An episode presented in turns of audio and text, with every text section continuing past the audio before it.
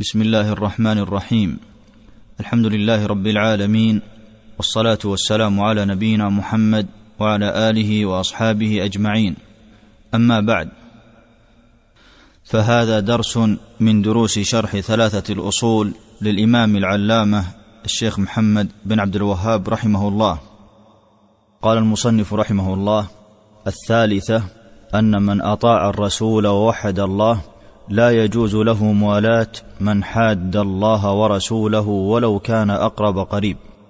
قوله الثالثة أي هذه هي المسألة الثالثة من الرسالة الثانية وهذه المسألة في الولاء والبراء وهي من المسائل التي يجب على المكلف معرفتها واعتقادها والعمل بها.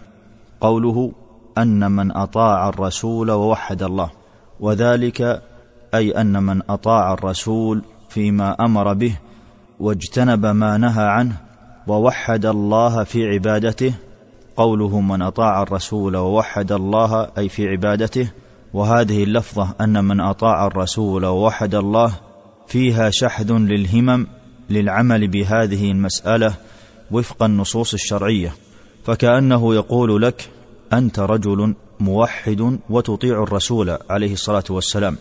فاعمل بهذه المسألة العظيمة التي سأذكرها لك. لهذا قال أن من أطاع الرسول ووحد الله لا يجوز له موالاة من حاد الله ورسوله. لا يجوز له أي لا يجوز للموحد المطيع للرسول صلى الله عليه وسلم موالاة ومحبة من حاد الله ورسوله أي عاد الله ورسوله بل يجب عليه أن يقاطع من حاد وعاد الله ورسوله ويجب عليه أن يعاديهم. ثم قال ولو كان أقرب قريب. أي ولو كان من حاد الله ورسوله أقرب قريب. سواء كان أباك أو ابنك أو أخاك. فإن الله قطع التواصل والتواد. والقرب حقيقة إنما هو قرب الدين لا قرب النسب. فالمسلم ولو كان بعيد الدار فهو أخوك في الله والكافر ولو كان أخاك في النسب فهو عدوك في الدين.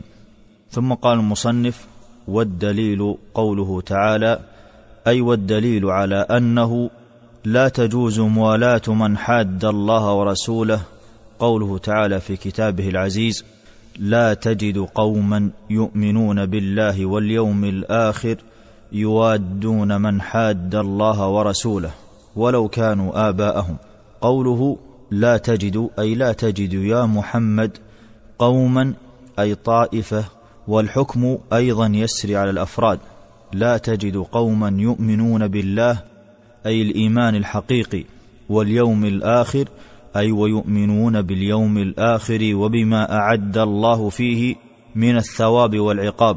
لا تجد هؤلاء يوادون أي يوالون ويحبون. من حاد الله ورسوله أي عاد الله ورسوله بالكفر والعصيان أي لا يجتمع هذا وهذا فلا يكون العبد مؤمنا بالله واليوم الآخر حقيقة إلا إذا كان عاملا بمقتضى إيمانه ولوازمه. ومن ذلك محبة من قام بالإيمان وموالاته وبغض من لم يقم به ومعاداته. ثم قال عز وجل ولو كانوا آباءهم أو أبناءهم أو إخوانهم أي لا تجد هؤلاء يوادون من حاد الله ورسوله ولو كانوا آباءهم الذين خرجوا من أصلابهم أو أبناءهم الذين ولدوا على فراشهم أو إخوانهم في النسب أو عشيرتهم الأقربين منهم أولئك كتب في قلوبهم الإيمان. أولئك أي الذين حققوا الولاء والبراء كتب في قلوبهم الإيمان أي ثبته وغرسه غرسا لا يتزلزل ولا تؤثر فيه الشبه والشكوك فهي قلوب موقنة مخلصة مؤمنة بالله. أولئك كتب في قلوبهم الإيمان وأيدهم بروح منه وأيدهم أي أيدهم الله وقواهم بروح منه أي بوحيه ومدده الالهي وإحسانه الرباني وكتب لهم السعادة وزين الإيمان في بصائرهم وسمى الله عز وجل نصره إياهم روحا لأنه به حيا أمرهم. ثم قال سبحانه ويدخلهم جنات أي في دار القرار التي فيها ما لا عين رأت ولا أذن سمعت ولا خطر على قلب بشر. ويدخلهم جنات تجري من تحتها الأنهار وهذا زيادة في نعيمهم خالدين فيها أي منعمين أبد الآباد. وزادهم على ذلك أيضا بأن رضي الله عنهم فأحل عليهم رضوانه ورضوا عنه وأحبوه وشكروا إنعامه وأفضاله سبحانه. فإن هؤلاء الذين حققوا الولاء والبراء لما أسخطوا القرائب والعشائر في الله عوضهم الله بالرضا عنهم وأرضاهم عنه بما أعطاهم من النعيم المقيم والفوز العظيم.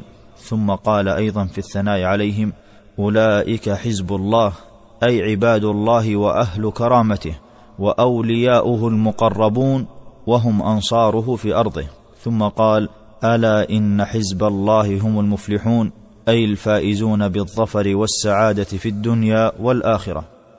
فمن حقق البراء فقد أخبر الله عز وجل في هذه الآية أنه يجازيه بأمور. الأمر الأول أن الله جمع الإيمان في قلبه وثبته فيه.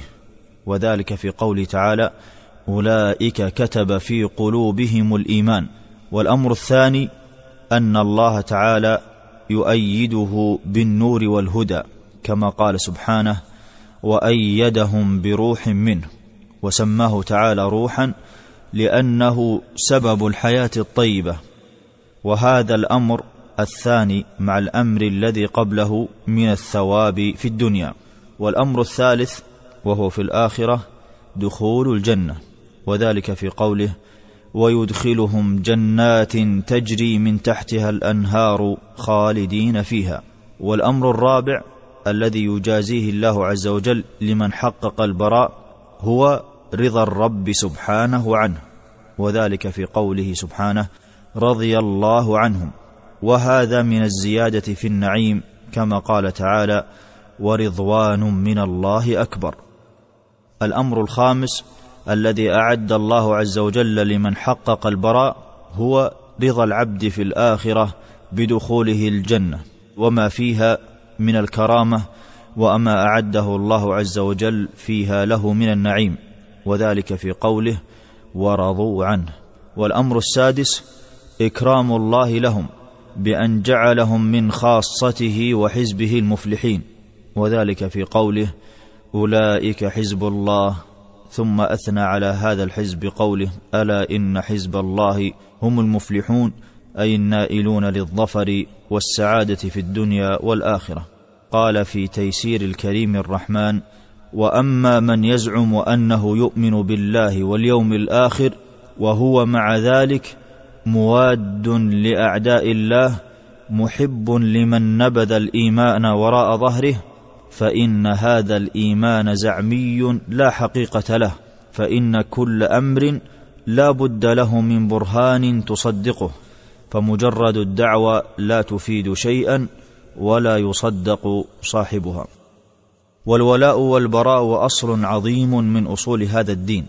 قال الشيخ محمد بن عبد الوهاب رحمه الله لا يستقيم للإنسان إسلام ولو وحد الله وترك الشرك إلا بعداوة المشركين والتصريح لهم بالعداوة والبغضاء. والولاء والبراء هو معنى كلمة التوحيد وهو من الإسلام الذي هو الاستسلام لله بالتوحيد والانقياد له بالطاعة والبراءة من الشرك وأهله. قال شيخ الإسلام في الفتاوى والبراءة ضد الولاية وأصل البراءة البغض. وأصل الولاية الحب. وهذا لأن حقيقة التوحيد الا يحب إلا الله ويحب ما يحبه الله لله فلا يحب إلا لله ولا يبغض إلا لله. والمسلم يحب من يحب الله ويعادي من عاداه الله والله سبحانه لا يحب الكافر. قال تعالى إنه لا يحب الكافرين. والكافر عدو لله وعدو للمؤمنين. قال سبحانه يا أيها الذين آمنوا لا تتخذوا عدوي وعدوكم أولياء تلقون إليهم بالمودة والولاء والبراء من تمام محبة الله. قال شيخ الإسلام رحمه الله من تمام محبة الله ورسوله بغض من حاد الله ورسوله والجهاد في سبيله. والإيمان إذا قوي في القلب قوي جانب الولاء للمؤمنين والبراء من الكافرين. قال شيخ الإسلام رحمه الله إذا قوي ما في القلب من التصديق والمعرفة والمحبة لله ورسوله أوجب بغض أعداء الله. وإذا أخل العبد بجانب الولاء والبراء استحق العقاب من الله. قال عز وجل لا يتخذ المؤمنون الكافرين أولياء أي أصدقاء واحبابا لا يتخذ المؤمنون الكافرين أولياء من دون المؤمنين. قال ومن يفعل ذلك فليس من الله في شيء. قال شيخ الإسلام رحمه الله والموادة من أعمال القلوب فإن الإيمان بالله يستلزم مودته ومودة رسوله. وذلك يناقض مواده من حاد الله ورسوله. وما ناقض الإيمان فإنه يستلزم العزم والعقاب لأجل عدم الإيمان. والإعراض عن المشركين بالجسد لا يكفي في البراء فلا يقول العبد أنا بعيد عن ديارهم لكني أحبهم بل يجب مع مفارقتهم بالجسد بغضهم بالقلب. قال شيخ الإسلام رحمه الله في الفتاوى براءة الخليل من قومه المشركين ومعبوديهم ليس تركا محضا بل صادرا عن بغض وعداوة. ومع بغضك لهم وعداوتك لهم والبراءة منهم ومن معبوداتهم فإن الإسلام حرم قتل الكافر المعصوم وهو الذمي والمعاهد والمستأمن وحرم سلب ماله أو ظلمه أو الاعتداء عليه. قال عليه الصلاة والسلام من قتل معاهدا لم يرح رائحة الجنة وإن ريحها يوجد من مسيرة أربعين عاما. رواه البخاري. بل يجب عليك مع بغضهم دعوتهم إلى الله عز وجل بالحكمة والبصيرة كما فعل عليه الصلاة والسلام مع المشركين. ودين الإسلام وسط في معتقد الولاء والبراء. لا إفراط فيه بقتل الكفار المعصومين ولا تفريط فيه بالموالاة المحرمة أو التولي المخرج من الملة. ويجب على المسلم أن يكون عدلا في أداء تلك العبادة العظيمة بين الإفراط والتفريط وأن يكون عمله بها منوطا بالعلم بها على ضوء ما جاءت به الشريعة. واعلم أن الولاء والبراء مع المشركين ينقسم إلى قسمين. القسم الأول هو التولي ومعنى التولي أي محبة الشرك وأهله أو نصرة الكفار على المؤمنين أو الفرح للكفار بهزيمتهم للمسلمين أو مظاهرتهم ومعونتهم على المسلمين. وهذا والعياذ بالله كفر أكبر. قال سبحانه ومن يتولهم منكم فانه منهم. قال البغوي رحمه الله في تفسيره ايمان المؤمن يفسد بمواده الكفار. فمن واد الكفار والعياذ بالله خرج من دائره الاسلام. وقد ذكر الشيخ محمد بن عبد الوهاب رحمه الله ان التولي من نواقض الاسلام. قال رحمه الله وهو يعدد نواقض الاسلام. الثامن أي الناقض الثامن نواقض الاسلام. مظاهرة المشركين ومعاونتهم على المسلمين. والدليل قوله تعالى ومن يتولهم منكم فإنه منهم. فهذا هو النوع الأول من أنواع الولاء والبراء مع المشركين وهو التولي ومعناه محبة الشرك وأهله أو نصرة الكفار على المؤمنين أو الفرح بذلك أو مظاهرتهم ومعونتهم على المسلمين. والنوع الثاني من أنواع الولاء والبراء معهم الموالاه ومعنى الموالاه أي الموادة والصداقة. النوع الأول التولي لكن النوع الثاني الموالاه وهي الموادة والصداقة ضد المعاداة والمحادة. قال شيخ الإسلام رحمه الله في الفتاوى فإن الولاية ضد العداوة والولاية تتضمن المحبة والموافقة والعداوة تتضمن البغض والمخالفة. وضابط الموالاه أن تكون محبة أهل الشرك لأجل الدنيا ولا تكون معها نصرة.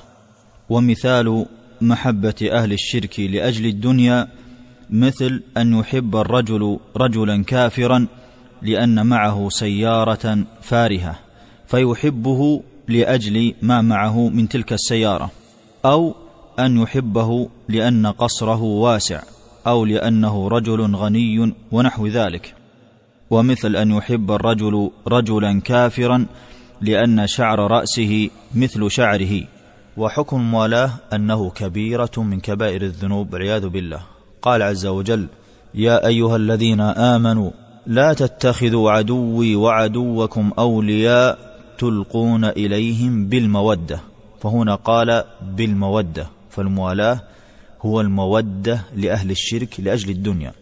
قال شيخ الإسلام رحمه الله في الفتاوى وقد تحصل للرجل موادتهم لرحم أو حاجة فتكون ذنبا ينقص به إيمانه ولا يكون به كافرا كما حصل من حاطب بن أبي بلتعة. والفرق بين القسم الأول وهو التولي والقسم الثاني وهو الموالاة أن التولي كفر أكبر يخرج من الملة والموالاة كبيرة من كبائر الذنوب ولا يخرج به العبد من دين الإسلام. وقد سئل الشيخ عبد الله بن عبد اللطيف رحمه الله وهو عم الشيخ محمد بن إبراهيم وحفيد الشيخ عبد الرحمن بن حسن صاحب كتاب فتح المجيد. سئل عن الفرق بين الموالاة والتولي كما جاء في الدرر السنية فأجاب بقوله التولي كفر يخرج من الملة وهو كالذب عنهم وإعانتهم بالمال والبدن والرأي والموالاة كبيرة من كبائر الذنوب كبل الدواه أي كبل المحبرة أو بري القلم أو التبشش لهم أو رفع الصوت لهم. والتشبه بغير المسلمين في الظاهر يورث مودتهم ومحبتهم في الباطن أي يجب على المسلم أن يكون بعيدا عن التشبه بالمشركين أو القرب منهم أو السكنى في ديارهم لغير أمر شرعي. لذا يجب على المسلم أن يكون بعيدا عن المشركين وعن معبوداتهم من دون الله لأن التشبه بهم في الظاهر يقرب ويحبب القلب إليهم. قال شيخ الإسلام رحمه الله في اقتضاء الصراط المستقيم المشابهة في الظاهر تورث نوع مودة ومحبة وموالاة في الباطن كما أن المحبة في الباطن تورث المشابهة في الظاهر. قال وهذا أمر يشهد به الحس والتجربة. لهذا إذا رأيت رجلا شبيها لك في أحد أمور يتخذه له مثل قلمه شبيه لقلمك فإنك تنظر وتود ذلك الرجل. أو أن سيارتك تشبه سيارته فإنك تنظر إليه ويقرب قلبك منه. لذلك ابتعد أن تكون متشبها بالكفار في الظاهر. فإذا قلت كيف أتعامل إذن مع الكافر؟ فنقول لك الكافر يعامل معاملة ظاهرة بدون ميل ومحبة في القلب وبدون تشبه في الظاهر فالإيمان الواجب يوجب معاداة من حاد الله ورسوله كما أنه يستلزم أيضا أي الإيمان يستلزم محبة من يحب الله ورسوله وموالاتهم فأنت عامل الكفار معاملة ظاهرة بدون ميل أو محبة في القلب. خذ حاجتك منه من محل تجاري ونحو ذلك بدون ميل قلب له. فإذا انقضت حاجتك منه ابتعد عنه. فمن والى الكفار فقد ترك واجبا من واجبات الإيمان. قال شيخ الإسلام رحمه الله لا بد في الإيمان من محبة القلب لله ولرسوله. ومن بغض من يحاد الله ورسوله. وكما أن الكفار يجب بغضهم فكذلك الفاسق يبغض لفسقه ولكن يعطى من الموالاة بقدر إيمانه يعني تحب المؤمن الفاسق لإيمانه وتبغضه لما فيه من الفسق. فيجتمع في قلبك للمؤمن الفاسق محبة وبغض محبة منك له لإيمانه وبغض منك له لوجود الفسق الذي وقع فيه. قال شيخ الإسلام رحمه الله والواجب موالاة أولياء الله المتقين من جميع الأصناف وبغض الكفار والمنافقين من جميع الأصناف.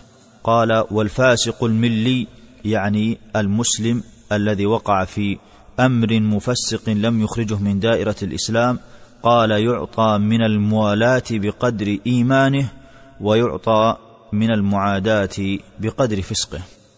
فالواجب على المؤمن معاداة من حاد الله ورسوله وبغضه ولكن هذا لا يمنع نصيحته ودعوته إلى الحق.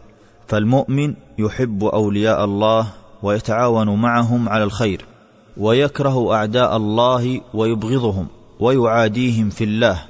حتى وهو يدعوهم إلى الله فيجتمع في قلبك بغضهم ولكن يجب أيضا أن تدعوهم ولا يحملك بغضك لهم إلى عدم دعوتك لهم إلى هذا الدين القويم.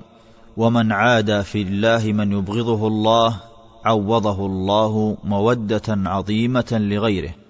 فإبراهيم عليه السلام لما اعتزل أباه وقومه لكفرهم أقر الله عينه بإسماعيل ومن ثم إسحاق فلم يوجد نبي بعد إبراهيم عليه السلام إلا من سلالته.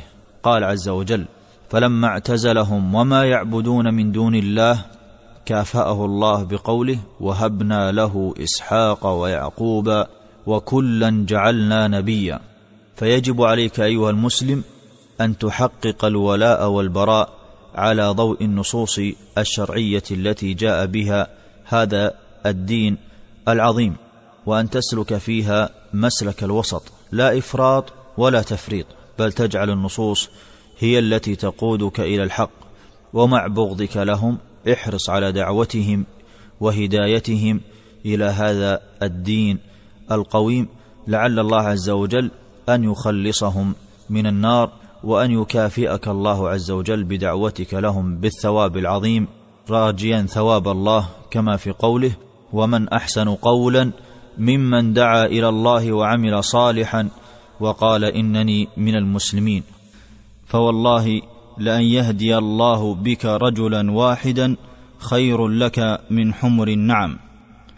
وأصل الدين مبني على النصح للخلق. قال عليه الصلاة والسلام الدين النصيحة. ونصح الآخرين من قواعد إصلاح المجتمع واتصف بها رسل الله عليهم السلام في دعوتهم لأقوامهم. قال الله تعالى عن نوح أبلغكم رسالات ربي وأنصح لكم وأعلم من الله ما لا تعلمون. وقال الله عن هود أبلغكم رسالات ربي وأنا لكم ناصح أمين. وقال الله عن صالح فتولى عنهم وقال يا قوم لقد أبلغتكم رسالة ربي ونصحت لكم ولكن لا تحبون الناصحين. والناصح للآخرين ناصع القلب سليم الصدر حسن السريرة مشفق القلب. وقد علت مرتبة السابقين بهذا. قال أبو بكر بن عياش ما فاق أبو بكر رضي الله عنه أصحاب رسول الله صلى الله عليه وسلم بصوم ولا صلاة ولكن بشيء كان في قلبه. قال الذي كان في قلبه الحب لله والنصيحة في خلقه. وما منح العبد حب إصلاح المجتمع بالنصح إلا شرف وعلا. قال الفضيل بن عياض رحمه الله ما أدرك عندنا من أدرك بكثرة الصلاة والصيام وإنما أدرك عندنا بسخاء النفس وسلامة الصدور والنصح للأمة. سئل عبد الله بن المبارك رحمه الله أي الأعمال أفضل؟ قال النصح لله أي تعليم الآخرين ودعوتهم وإرشادهم وبيان الصواب لهم. ولتكن نصيحتك للآخرين محفوفة بالشفقة والرأفة وكمال النصح وكلما كانت محاطة بضوابط الشريعة كانت أبلغ في النفس وأشد في التأثير وأسرع في التغيير.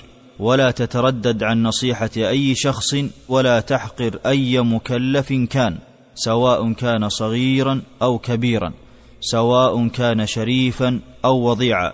فقد يغير الله عز وجل أحواله بكلمات يسيرة ينساها قائلها بعد لحظات ولكن لصدق قائلها يصبح لها دوي في فؤاد المنصوح وتدرج في دعوة الآخرين إلى هذا الدين وسر على النهج النبوي الذي بينه النبي عليه الصلاة والسلام لمعاذ في قوله إنك تأتي قوما أهل كتاب فليكن أول ما تدعوهم إليه شهادة أن لا إله إلا الله فإذا دعوت أي مسلم لهذا الدين أول ما تبدأ به هو بيان معنى شهادة أن لا إله إلا الله وتبين له أن معناها لا معبود بحق إلا الله وأن جميع المعبودات سوى الله هي معبودات باطلة لا تنفع صاحبها بل تضره. كما قال عز وجل ولا تدع من دون الله ما لا ينفعك ولا يضرك فإن فعلت فإنك إذا من الظالمين وإذا فهم معنى شهادة أن لا إله إلا الله انتقل بعد ذلك معه لبيان معنى شهادة أن محمدا رسول الله وبين له أن معناها طاعته فيما أمر فكل أمر أمر به النبي عليه الصلاة والسلام وجب علينا أن نطيعه واجتناب ما عنه نهى وزجر أي كل نهي نهى عنه المصطفى صلى الله عليه وسلم يجب علينا أن نحذره وأن نبتعد عنه وتصديقه فيما أخبر أي أن كل أمر أخبر به النبي عليه الصلاة والسلام من أمور ماضية كأحوال الأمم السالفة أو في أمور مستقبلة كما أخبر بما يكون من أحوال الساعة وأحوال اليوم الآخر ونحو ذلك وجب علينا تصديقه في كل ما يقوله عليه الصلاة والسلام. وتبين له أيضا أن معناها ألا يعبد الله إلا بما شرع أي إلا بما جاءت به الشريعة المحمدية فلا يعبد بالأهواء ولا يعبد بالبدع. وبين له أن النبي عليه الصلاة والسلام بعد بعثته نسخت جميع الأديان وأنه يحرم على كل مكلف أن يتبع غير محمد صلى الله عليه وسلم. مع إيماننا بجميع الرسل لكن لا نتبع سوى محمد صلى الله عليه وسلم. فنؤمن بأن عيسى هو عبد الله ورسوله وأنه بشر من البشر شرفه الله عز وجل بالرسالة. ونؤمن كذلك بأن موسى عبد من عباد الله وأنه رسول من رسل الله وأن إبراهيم أيضا كذلك. فنؤمن بجميع الرسل بأنهم عباد من عباد الله لا يستحقون صرف أي شيء من أنواع العبادة لهم وأن جميع الشرائع نسخت ببعثة النبي صلى الله عليه وسلم. فبعد بعثة النبي محمد صلى الله عليه وسلم وجب على جميع الخلق من إنس وجن أن يتبعوا محمدا صلى الله عليه وسلم لأن دعوته ورسالته عامة لجميع الخلق.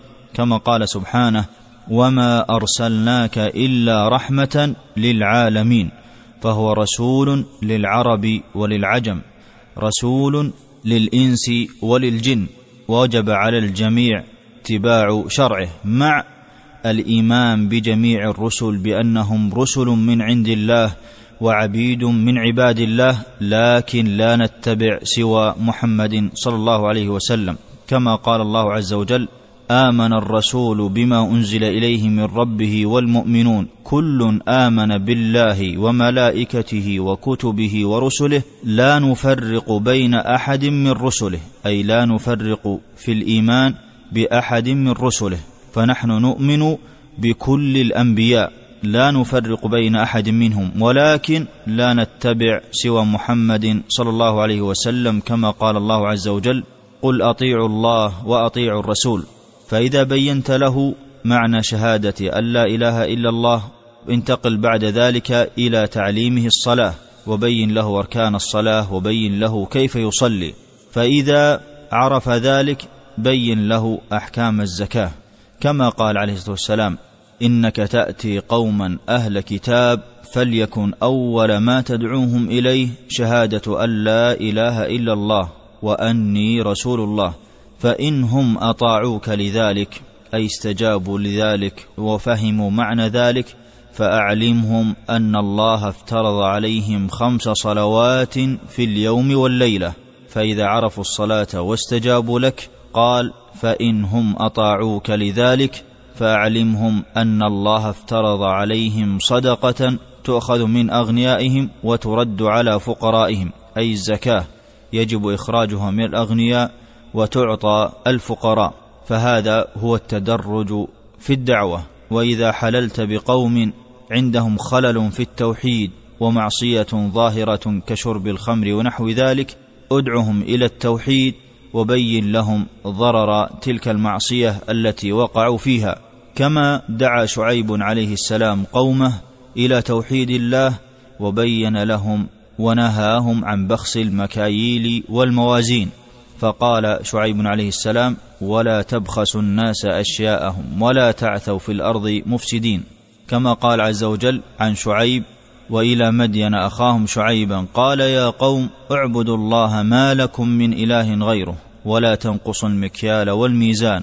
إني أراكم بخير وإني أخاف عليكم عذاب يوم محيط. وهكذا لوط عليه السلام دعا قومه إلى التوحيد ونهاهم عن اقتراف المعصية التي وقعوا فيها كما قال عز وجل ولوطا إذ قال لقومه أتأتون الفاحشة ما سبقكم بها من أحد من العالمين؟ فبين لهم أساس هذا الدين وحذرهم أيضا من المعصية التي وقعوا فيها. ولتكن دعوتك محفوفة بإخلاص العمل لله عز وجل تريد ثواب الله والدار الآخرة. وانقاذ الآخرين من وعيد الله عز وجل وليسعدوا في دنياهم وأخراهم.